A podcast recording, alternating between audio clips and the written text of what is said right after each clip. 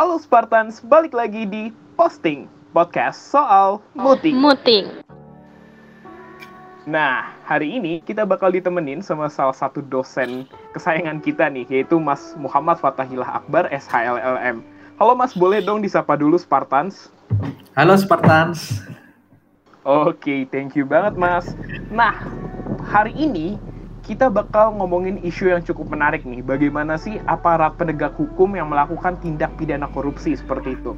Nah, isu ini kadang-kadang masih ini ya, masih hangat begitu dan katalisatornya kemarin adalah kasus dari Jaksa Pinangki nih, Mas. Jadi menarik banget buat kita bahas ya, Mas. Oke, pertanyaan pertama langsung aja nggak usah lama-lama. Kayaknya Spartan sudah mulai nggak sabar buat mendengarkan materi yang akan dibawakan Mas Akbar. Pertama, Mas, terkait hasil banding yang akhirnya ada diskon nih, Mas, bagi hukuman Jaksa Pinangki, mantan Jaksa Pinangki seperti itu, yang menjadi 4 tahun penjara dan denda 600 juta rupiah. Berbeda dengan tuntutan yang sebelumnya, mohon maaf bukan tuntutan, tapi putusan yang sebelumnya di tingkat pertama yaitu 10 tahun penjara dan 600 juta rupiah. Nah, kemudian bagaimana sih Mas kita memandang diskon ini dari segi uh, teoritis hukumnya? Apakah memang sudah benar uh, alasan bandingnya seperti itu. Seperti misalnya karena banding uh, karena ada kesalahan hakim kemudian uh, kemudian ada hal-hal seperti jaksa pinangki ini sudah menyesali uh, perbuatannya sudah rela mundur dari kejaksaan dan memiliki anak uh, balita. Apakah hal seperti itu bisa menjadi alasan yang kuat mas untuk mengurangi uh, apa mengurangi apa ya sorry deh aku jadi uh, ke distract nih soalnya ada Mas Akbar sih. Untuk mengurangi rasa adilan kali. seperti itu ya, Mas. iya betul. Itu gimana ya Mas? Thank you. Iya, uh, gini, kalau misalkan saya sampaikan sebenarnya kasus Jaksa Pinangki ini kan terhighlight karena kasus Joko Chandra yang melibatkan banyak penegak hukum gitu juga ya. Dan selain itu sebenarnya hal seperti ini sudah banyak terjadi gitu. Kalau misalkan kita tarik kasus yang sama juga di tahun 2020 uh, sekretaris atau uh, panitera atau sekretaris sekjen Mahkamah Agung ya Nur Hadi ya, yang kemudian difonis tuntutan KPK 12 tahun tapi difonis dari pengadilan tipikor aja udah enam tahun. Dengan alasan apa? Itu menarik juga kalau misalnya kita lihat tuh. Dari kasus Nur Hadi itu dia mengatakan karena sudah berperan untuk Mahkamah Agung kata kata pertimbangan dari pengadilan tipikor. Menjadi lucu juga. Seorang panitera yang ditangkap istilahnya panitera paling tingginya di tingkat Mahkamah Agung ditangkap karena korupsi malah dianggap berperan kepada Mahkamah karena dalam putusan itu dikatakan juga terbukti secara sah dan meyakinkan. Ini menjadi unik gitu ya. Nah kalau kita jaksa pinangki sebenarnya luar biasa unik juga. Karena jaksa pinangki tidak sekedar terkena jaksa pinangki. Ada ada uh, kepolisian yang terjerat juga. Dan dan juga tidak diberikan saksi yang utama juga tidak diberikan saksi yang kuat juga. Dalam kasus Pinangki sebenarnya kita sudah bisa tebak lah sudah sangat uh, predictable. Kenapa? Karena jaksa Pinangki itu adalah dari korps kejaksaan. Ketika jaksa melakukan penuntutan jaksa melakukan penuntutan hanya empat tahun penjara, padahal kasusnya adalah suap dan pencucian uang. Coba kalau kita tarik lebih jauh lagi deh, kalau teman-teman ada yang mau pelajari kasus first travel, first travel memang memberikan kerugian yang luar biasa kepada jamaah umroh ya. Uh, selain itu first level, tetapi kalau kita pahami, dia hanya dijerat pakai pasal penipuan. 378 KUHP. Pasal 378 KUHP itu maksimal adalah lima tahun penjara tetapi kemudian dalam kasus first level dia nih, oh ini lima tahun kurang nih menurut jaksa, nih ya. Jadi tadi ada suap, suap kenapa tahun menurut jaksa, tapi kalau dalam kasus first level menurut penuntut umum saat itu lima tahun kurang, makanya jaksa menambahkan pencucian uang. Jadi pencu, penipuan, pencurian, eh sorry, penipuan dikombin dengan pencucian uang kenain dia dituntut 20 tahun penjara oleh jaksa penuntut umum. Ya, tetapi ini penegak hukum yang menerima suap yang cukup besar, 500 uh, eh, ribu US dollar lebih lah ya, itu jaksa harus kerja dua tiga kali kehidupan tuh baru bisa meraih uang sebesar itu. Nah dalam konteks dalam konteks tersebut aja, dalam konteks tersebut aja dia hanya dituntut empat tahun nih. Nah kemudian diputuslah bagus 10 tahun. Kita merasa ih 10 tahun kayaknya kayaknya ini ya uh, kayaknya murah ya. Eh dalam artian bukan 10 tahun, kan dituntut 4 tahun, diputus 10 tahun. Oh, 10 tahun luar biasa. Hakim menjatuhkan putusan di atas. Di atas dari tuntutan. Padahal padahal sebenarnya prakteknya itu kan uh, permainan aja. Dalam arti bukan saya bukan mengatakan ada permainan di pengadilan tipikor tapi seakan-akan 10 tahun adalah yang sah tapi sebenarnya enggak. Karena kalau ada penegak hukum melakukan korupsi harusnya tinggi. Kita bisa lihat contoh yang cukup baik sebenarnya jaksa urip jaksa urip dalam kasus Gayus Tambunan. Uh, dia kan menerima suap juga dalam korupsi di bidang perpajakan. Dan dalam kasus jaksa urip tadi dia dituntut oleh korpsnya sendiri. Uh, tapi kayaknya ini terlibat KPK juga nanti bisa dipelajari. Dia dijerat itu 20 tahun penjara. Ya jadi kan disparitas sekali gitu. Jadi uh, dan kalau misalkan teman-teman membaca UNCAC United Nations Convention Against Corruption dan juga kita belajar tentang uh, kemarin misalkan baca KPK Endgame uh, diskusinya dan lain sebagainya korupsi itu yang harus sangat luar biasa di diberantas itu adalah korupsi di bidang penegakan hukum itu dulu deh. Kalau itu selesai, kita semua selesai. Begitu, bapak-bapak host, bapak ibu host. Oh iya menarik banget. Mungkin next nih Nivia nih punya pertanyaan nih mas. Gimana Niv? Ya. Iya mas, uh, aku tertarik tadi terkait kemudian dari korps jaksanya sendiri yang menindak gitu mas. Kayak menurut aku agak aneh apakah ini itu sebenarnya bentuk penyimpangan mas? Karena kan kalau nggak salah ya mas dari pasal 11 undang-undang KPK itu harusnya korupsi yang udah di atas 1 miliar itu menjadi kemudian ranah kewenangan KPK mas. Kok bisa kemudian jaksa yang justru uh, mengambil kasus ini dan itu kan kecenderungan biasnya jauh lebih besar gitu ya mas? Ini sebenarnya KPK hmm. Betul itu pertanyaan yang luar biasa bagus KPK sebenarnya lahir di awal adalah untuk itu jadi jika terjadi korupsi penegakan hukum, KPK bisa ambil alih. Bahkan KPK tidak perlu limpahkan tuh dari penyidikan sampai penuntutan dia semua yang proses. Nah, eh, kemudian menjadi pertanyaan, eh, kok uh, bisa seperti ini? Karena pasal 11 tadi dan dengan pasal-pasal lainnya itu hanyalah kewenangan. Tidak serta-merta jika terjadi korupsi seperti itu akan ditangani KPK. Kenapa? Karena KPK kecil banget, KPK cuma ada di pusat saya pernah melakukan penelitian tentang pembentukan KPK di daerah juga yang kita rasa juga ada urgensinya juga di beberapa daerah yang perlu peningkatan pemberantasan korupsi karena KPK terlalu kecil sehingga KPK paling hanya bisa melakukan koordinasi dan supervisi terhadap lembaga-lembaga tersebut. Tetapi kan ini ego sektoral. Teman-teman bisa belajar lah cicak buaya versus uh, jilid pertama, jilid kedua, dan jilid-jilid lainnya. Itu adalah ketika KPK melakukan penyidikan terhadap kasus-kasus uh, yang dilakukan oleh penegak hukum. Maka KPK juga secara politik ya zaman-zaman itu apalagi sekarang luar biasa ya pasti mereka tarik ulur lah untuk apakah diproses apa tidak dan lain sebagainya. Dan ketika ini juga yang menarik ketika sudah diambil alih. Ya jadi penyidikan sudah dimulai nih. Penyidikan sudah dimulai oleh lembaga tertentu. KPK bisa di, bisa ambil hanya dengan mekanisme koordinasi dan supervisi. Ada beberapa alasannya. Misalkan contohnya tadi dikatakan adanya bias, adanya konflik kepentingan di situ sebenarnya bisa diambil sebagai salah satu landasannya. Karena takutkan melindungi. Namun kan dalam kasus ini susah membuktikan apakah dia melindungi, buktinya tetap diproses dan lain sebagainya. Tidak delay kasusnya gitu. Sehingga sangat sulit juga karena itu bukan kewajiban dalam kasus sebelah adalah kewenangan. Sehingga ketika KPK execute atau tidak itu tergantung uh, political will dari KPK dan political will dari lembaga kejaksaan juga apakah mau menyerahkan gitu ya. Yang saya rasa sih sulit. Contoh besar misalkan Cicak versus Buaya jadi dua uh, kasus korupsi Budi Gunawan. Uh, uh, dugaan ya dugaan korupsi Budi Gunawan yang kemudian di pra peradilan akhirnya diserahkan kepada kepolisian. KPK juga tidak akan ambil lagi gitu ya. Jadi tidak sesederhana itu.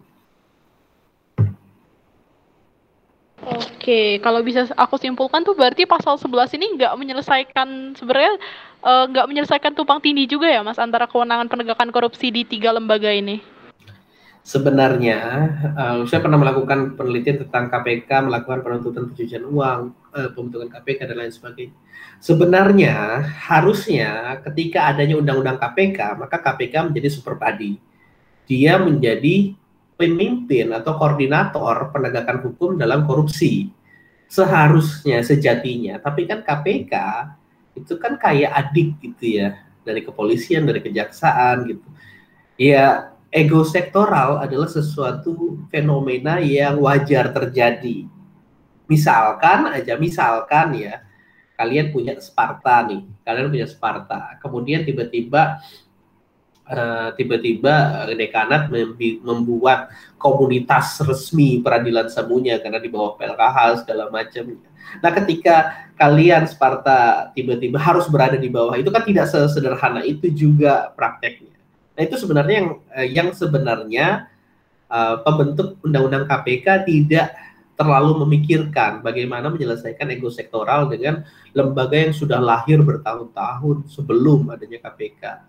Sehingga makanya cicak versus buaya itu adalah sesuatu hal yang wajar terjadi dan sekarang posisi KPK seperti itu ya kita sudah bisa mengetahui lah di mana sekarang pimpinan utamanya juga dari kepolisian, jenderal gitu ya. Jadi ya tidak sesederhana itu juga.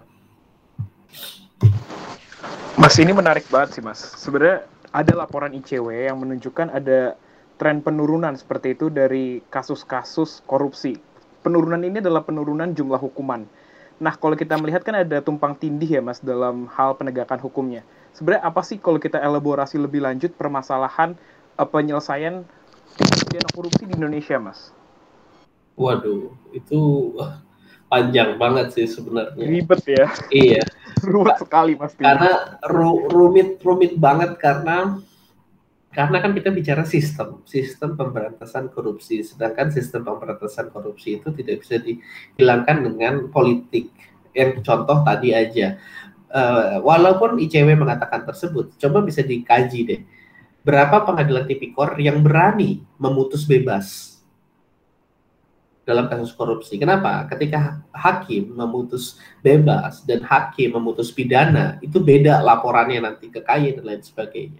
Makanya sebagian besar itu banyak. Contoh kasus yang tinggi, kasus Pertamina, diputus uh, bersalah di uh, tingkat pengadilan tipikor dan juga diputus bersalah di tingkat banding.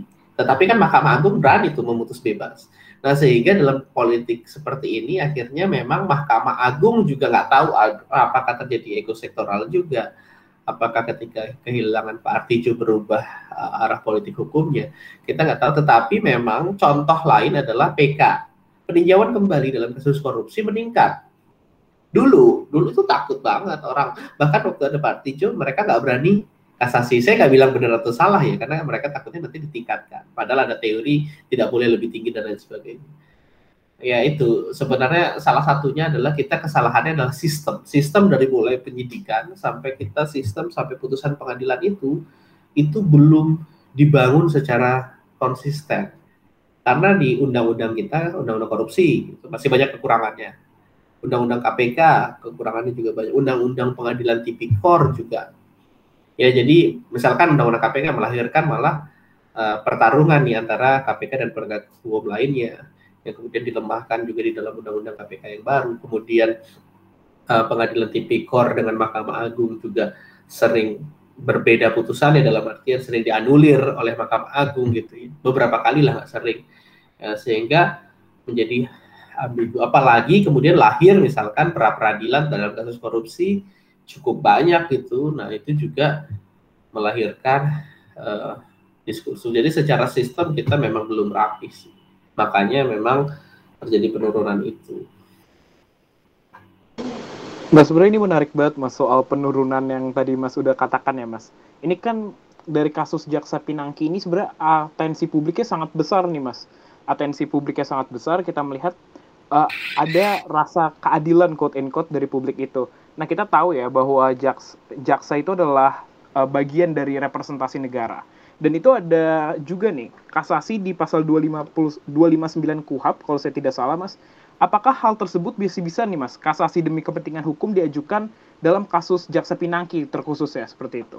Waduh. Gini, kasasi demi kepentingan hukum itu saya ini pertanyaan pertama saya pernah diskusi panjang dengan jaksa yang saya anggap berintegritas juga teman senior satu tahun lah angkatan 2006 Fakultas Hukum. Dia jadi jaksa. Uh, teman diskusi lah bahkan waktu kita, dulu dia juga anak MCC dulu kita waktu MCC segala macam sering diskusi. Nah ketika kasus jaksa Pinangki saya tanya menurut uh, Mas gimana nih ketika tidak diajukannya kasasi. Dia mengatakan gini, kita ada peraturan jaksa agungnya, Bang. Jadi peraturan jaksa agungnya itu dan juga peraturan internal mereka ya, ketika putusan putusan pengadilan itu uh, masih dua per tiga dari tuntutan, tidak perlu melakukan upaya hukum lain, ya. Jadi sama atau kurang sedikit sampai dua per tiganya masih boleh. Nah, uh, sebenarnya menurut saya aturan itu logis juga. Kenapa logis? Dia melakukan banding, dia melakukan kasasi menggunakan uh, biaya negara. Resikonya ketika banding atau kasasi kalah nanti malah jadi bebas berkurang segala macam. Ada ada ada rasionya lah. Jadi kalau secara rasio tidak dilakukan kasasi ya karena sejak awal tuntutannya kok cuma empat tahun. Nah itu yang sebenarnya masalah. Harusnya tuntutannya itu tidak seperti itu. Harus dilihat dia penegak hukum segala macam karena uh, teman saya yang jaksa juga mengaku sebenarnya uh, aneh gitu. Kayak dokter, dokter melakukan aborsi adalah yang jadi ada ada misalkan seorang wanita ya dengan pacarnya, dengan ada dokter, mereka semua melakukan aborsi. Yang paling rendah sanksinya itu wanita. Yang paling tinggi itu adalah si dokter karena dia memiliki profesi dan membantu proses tersebut. Nah, makanya dalam setiap kasus ini tadi misalkan kita ada Joko Chandra, kita melihat ada asisten dan lain sebagainya. Kemudian ada penegak hukum nih, harusnya dia yang memiliki sanksi paling tinggi gitu. Jadi kesalahan di surat tuntutan. Nah, apakah mungkin dilakukan kasasi demi kepentingan hukum? Kasasi demi kepentingan hukum sangat-sangat terbatas sebenarnya. Dan ini upaya hukum luar biasa ya. Dan dilakukan oleh Jaksa Agung dalam konteks-konteks tertentu yang saya rasa dalam politik dan persyaratan hukumnya juga tidak akan bisa dilakukan dalam kasus ini. Nah ini Jadi, menarik mas. Sudah Iya. Iya. Sebenarnya kalau secara hukum positif begitu ya mas, karena ada peraturan jaksa agung seperti itu, sebenarnya uh, tuntutan 4 tahun ini dan tidak dilanjutkan kasasi ada berarti tidak melanggar hukum positif yang ada, betul tidak mas seperti itu? Iya jadi gini, dari awal aja kan sanksi pidana uh, saya lupa mengingat uh, kasusnya. Karena ada suap yang kenanya minimal satu tahun ada yang kena minimal empat tahun gitu ya. Intinya adalah surat tuntutan dan putusan hakimnya sesuai. Dalam artian dia sesuai undang-undangnya. Cuma kan kalau kita tentang hitung-hitungannya kerugiannya luar biasa besar keuntungan yang didapat besar uh, itu kan nggak ada pengutungnya tuh. Makanya tidak ada namanya kuanti perhitungan sanksi yang layak terhadap seorang terpidana. Nggak usah kasus korupsi aja, kasus korupsi kan hitung-hitungan ya kayak pembunuhan, penganiayaan tuh hitungnya kira-kira di berapa tahun kan nggak ada. Nah makanya secara hukum positif sebenarnya nggak ada masalah. Cuma kan karena secara keadilan materialnya masyarakat merasa tidak seimbang atau misalkan berkaitan dengan profesi penegakan hukum begitu. Tapi kalau secara konteks hukumnya sih nggak ada. Begitu. Oke, Mas. Mungkin aku izin masuk sebentar, Mas. Aku tertarik soal ini, Mas. Uh, pendapat dari Ketua Maki, Mas Boyamin. Dia bilang bahwa uh, sebenarnya emang secara memang secara hukum positif itu nggak ada masalah. Cuma mm-hmm. ini kan menunjukkan inkonsistensi jaksa karena ketika jaksa mengajukan tuntutan 4 tahun, kemudian uh, Mas Boyamin ini menyambungkan ke permohonan bandingnya yang kemudian ditanggapi dengan kontra memori banding dari kejaksaan yang mengatakan menyetujui oke okay, 10 tahun ketika dijatuhkan oleh pengadilan negeri itu Mas. Tapi kemudian mm.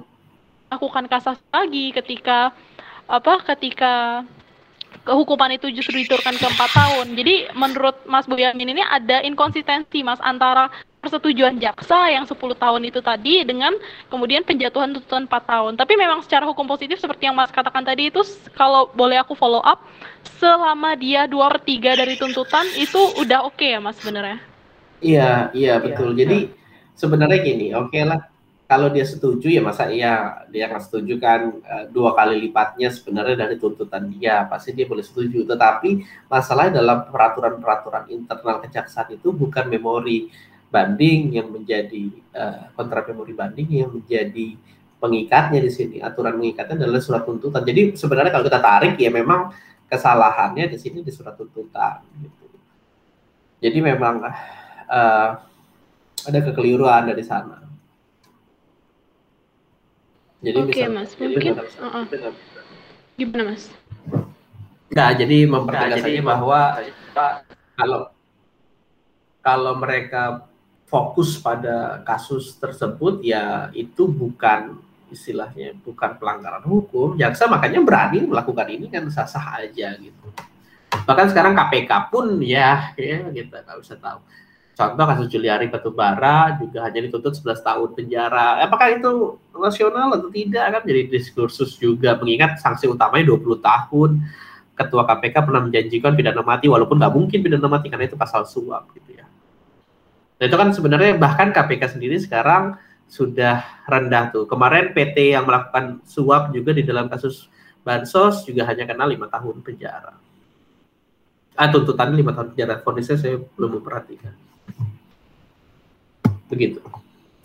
Oke mas, uh, ada satu lagi fakta persidangan yang menarik mungkin mas dari putusan pengadilan tinggi bahwa uh, pembelaannya itu adalah karena sejak Pinangki ini kemudian mempunyai anak yang masih berumur di bawah lima tahun, kemudian juga terdakwa telah mengakui dan menyesali perbuatan korupsi yang telah dilakukan. Apakah itu sebenarnya itu menjadi alasan yang layak gitu mas untuk menurunkan hukuman dalam konteks jaksa Pinangki ini? Karena jaksa Pinangki memiliki apa tadi alasan meringankannya? beliau memiliki anak di bawah oh, iya. di bawah umur lima tahun gitu mas. Iya, hmm. iya. Sebenarnya sih eh, menurut saya itu sesuatu hal yang kemanusiaan aja. Tetapi apakah itu konsisten dengan berbagai kasus yang dilakukan oleh ibu-ibu? Di mana ada banyak kasus juga yang bahkan dia dipidana uh, mati atau seumur hidup atau cukup lama tahunnya padahal dalam posisi hamil gitu.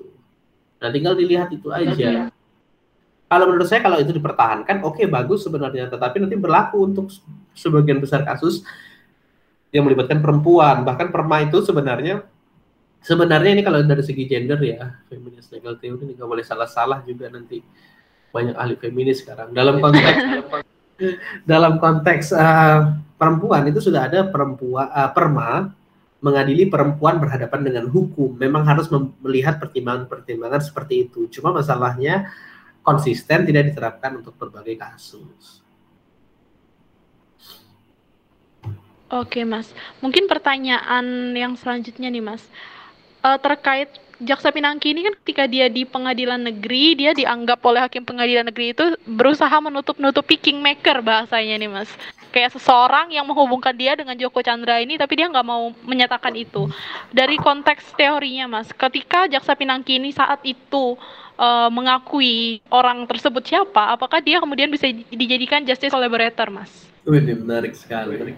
Tergantung. Iya. Justice collaborator salah satu utamanya adalah dia bukan pemeran utama. Uh, memang ini diskusinya apa tuh pemeran utama memang nggak ada garis utamanya tetapi dalam konteks ini adalah ketika jaksa pinangki menjadi aktor utama dalam misalkan meringankan di yang submit dokumen, di yang bikin, saya rasa agak berat ya untuk menjadi justice kolaborator. Tetapi ketika dia bisa membocorkan gitu ya, ya ketika bisa membocorkan, kita tetap bisa mengatakan dia sebagai saksi pelaku yang bekerja sama atau istilah lain, istilah resminya dalam Undang-Undang Pelindungan Saksi dan Korban mengenai justice kolaborator. Sehingga jasa pinangki bisa mendapatkan keringanan sebenarnya kalau dia bisa menyebutkan itu ya tetap uh, bisa mendapatkan keringanan, bisa bahkan mendapatkan remisi nantinya segala macam. Kalau dia bisa mengungkapkan pihak-pihak yang benar-benar terlibat. Oke, tapi balik lagi itu tadi ya, Mas, karena posisi dia penegak hukum mungkin agak berat untuk dia mendapatkan kesempatan itu. Betul. Itu yang Oke, Mas. itu yang mm -mm. Nah, ini menarik sekali sih, Mas. Oke, Tadi kan kita udah ngomongin juga, juga ya. Ngomongin juga ya Oke, okay, thank you, Niv. Tadi kan gini, Mas, uh, Nivia udah ngebawain sebagai seorang penegak hukum begitu ya, Mas. Dan kita tahu nih, Jaksa Pinangki bukanlah satu-satunya uh, aparatur penegak hukum yang terjerat kasus korupsi. Ada banyak nama-nama lainnya. Nah, hmm. kemudian bagaimana sih, Mas, penerapan ya? Kalau aku tidak salah di pasal 52 KUHP, seorang pejabat yang melakukan perbuatan tindak pidana, apakah dia menjadi dapat menjadi katalis untuk menaikkan tindak pidananya? Maksud saya adalah menaikkan jumlah uh, tindak pidananya atau hukumannya bisa dikurangi atau seperti apa ya mas? Oke, iya kalau misalkan ada penegak hukum yang terlibat dalam tindak pidana, jelas itu menjadi satu pemberatan, ya.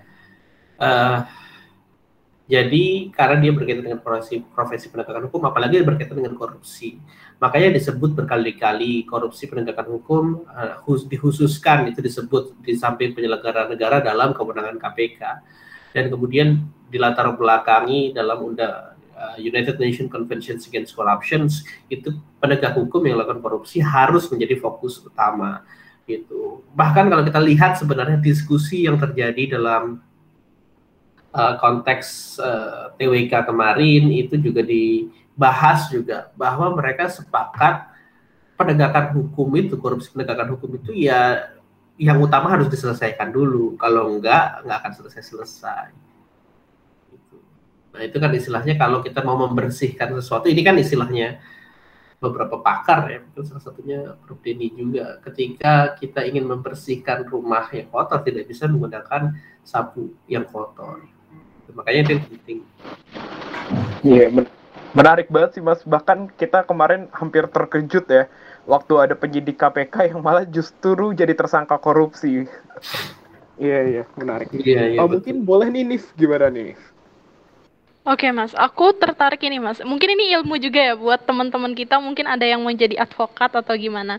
Ketika uh, hakim kemudian memutuskan seperti itu, itu kan sebenarnya jadi presiden ya mas untuk kasus-kasus berikutnya. Apakah ketika saya menjadi advokat saat tidak membela seorang koruptor, kemudian saya bisa merujuk ke presiden itu, Mas, bahwa pernah ada nih presiden kejadian yang sama, tapi kemudian justru mendapatkan keringanan karena dia seorang penegak hukum yang dianggap berkon telah berkontribusi kepada kejaksaan.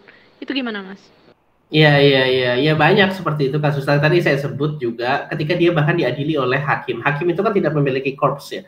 Berbeda makanya ketika kejaksaan, kejaksaan kan namanya kepala ya, kepala kejaksaan uh, tinggi, kepala kejaksaan negeri gitu. Jadi mereka sistemnya koordinatif. Kalau ada tuntutan segala macam serahkan kepada kepala. Lebih dulu ada rendah, retut. Kalian sudah di MCC pasti mengetahui. Sehingga koordinatif. Sehingga ketika memiliki korps salah satunya dengan pertimbangan dia memiliki peran baik di kejaksaan, saya rasa itu sesuatu yang wajar. Yang menarik adalah wajar tetapi tidak seharusnya disebutkan dalam artian dalam artian eh, sudah seharusnya sudah seharusnya tidak disebut gitu karena pada dasarnya dengan adanya korupsi itu dia malah mencoreng nama kejaksaan sama halnya kalau misalkan saya lihat nih kasus yang sangat menarik sekali itu sebenarnya uh, Sekjen MA, Sekretaris Jenderal Mahkamah Agung itu Nur Hadi. Um, jadi korupsi yang cukup besar sekali, uh, lima, uh, saya, saya pokoknya tinggi sekali angkanya dilakukan oleh Sekjen MA. Tuntutan KPK, KPK yang melakukan penyidikan ini karena Pak Nur Hadi ini kebetulan pernah jadi mahasiswa S3 di kampus kita juga. Nah, aduh. Iya, beliau itu dituntut oleh KPK 12 tahun. Nah, dituntut oleh KPK 12 tahun. Tetapi hakim eh, hakim pengadilan tipikor ini masih di tingkat paling bawah ya, memangkasnya enam tahun. Jadi putusannya hanya enam tahun penjara. Salah satu pertimbangan adalah Nur Hadi telah memiliki peran untuk membawa uh, Mahkamah Agung itu padahal dengan dia tertangkap korupsi dan sudah dinyatakan terbukti oleh hakim tersebut juga malah dianggap memiliki nama baik ini yang menjadi aneh. Nah, itu yang menjadi aneh. Oke, berarti itu tadi dituntut 12 tahun, justru dijatuhkan 6 tahun, dan suatu saat kalau misalnya saya menjadi advokat, sebenarnya saya bisa men-challenge putusan itu ya, Mas. Dengan dalam arti saya bisa merefer ke putusan itu, bahwa, oh ini pernah ada kasus dan harusnya diputuskan demikian gitu. Iya, iya, iya, iya, betul. Sehingga itu bisa menjadi presiden yang akhirnya dipakai banyak kasus ya, menarik juga sih memang. Oke, menarik banget nih, Mas. Sebenarnya kalau dilanjutin sebenarnya akan panjang ya malam ini karena bisa ngerembet ke mana-mana ya mas. Apalagi soal iya, penegak hukum. Iya tapi karena kita punya waktu terbatas malam ini jangan lupa kita akan ketemu Mas Akbar lagi di webinar nasional Sparta tentang oh, iya. TWK juga tentang Betul, KPK bang. Mas. Saya juga moderatornya. Oh, iya. siap siap siap siap. Jangan lupa teman-teman nonton. Makasih banget Mas dari aku Torik dalam kesempatan eh, kali ini nih, kembali sebentar dulu sebentar dulu, sebentar dulu sebentar dulu Kayaknya Mas Akbar belum lengkap nggak sih kalau belum ngasih closing statement? Gimana sih cara penegakan hukum anti korupsi kita tuh bisa tetap menggelora gitu? Boleh nih Mas oh, iya, dikasih closing ya, statementnya? Ya. Quotes-nya dulu. Aduh, kalau disuruh bikin quotes susah juga. Uh, intinya gini, uh, penegakan hukum itu kan dilahirkan untuk membatasi kewenangan. Ya, jadi bagaimana caranya kita menciptakan pemberantasan korupsi di penegakan hukum dulu. Itu yang menjadi kunci untuk pemberantasan korupsi secara holistik lah. Jadi bagaimana kita menciptakan pemberantasan korupsi di bidang penegakan hukum dulu untuk menjamin pemberantasan korupsi di sektor-sektor lainnya. Dan ini sistem pemberantasan korupsi dimulai dari penyelidikan sampai dengan putusan pengadilan sampai dengan pelaksanaan putusan pengadilan tersebut. Teman-teman, ini saya jadi tambahan nih, teman-teman kalau bisa memperhatikan kasus Setia Novanto, oke okay lah dia sampai bencol segala macam, tetapi ujungnya dia di lapas kan sangat hidup nyaman gitu ya, akhirnya nggak berguna juga, nggak berguna sih betul, betul. korupsi. Kalau teman-teman nonton Uh, saya karena saya beberapa kali nonton uh, drama The Devil Judge ya, itu sangat menarik. Tuh, Wah, saya juga nonton tuh mas, keren keren, nah, keren keren. Oh nonton sih. karena karena ada satu kasus dia yang tentang jaksa Kim itu yang anak bapaknya bapaknya bunuh diri karena kasus penipuan, ternyata penipunya itu diganti itu di lapas. Jadi dia diproses diadili, dinyatakan bersalah, tetapi ternyata setelah di lapas itu ada orang lain yang disuruh ganti nama dia dan itu sangat mungkin terjadi di negara kita juga walaupun kita harus teliti lebih lanjut. Contoh kayak kayu Tambunan yang ternyata bisa nonton tenis di Bali gitu ya segala macam. Itu kan berarti oke okay lah berdarah-darah nih penegakan hukumnya. Tapi kalau eksekusi di lapas juga memble ya nggak akan menimbulkan efek jerah juga begitu jadi harus secara sistem uh, terpadu harus diberantas korupsinya. Oke, asik banget Mas. Thank you banget Mas Akbar Baik. masih setia sama kita di podcast mas, ini. Siap. Jangan bosan-bosan ya Mas. Enggak, enggak bosan-bosan. Sukses selalu. Iya. ya teman-teman, thank you banget udah ngikutin kita dari awal sampai akhir. See you di podcast berikutnya dengan aku Nivia sama Torik. Dan Mas Akbar hari ini mengucapkan selamat jumpa. Sampai jumpa.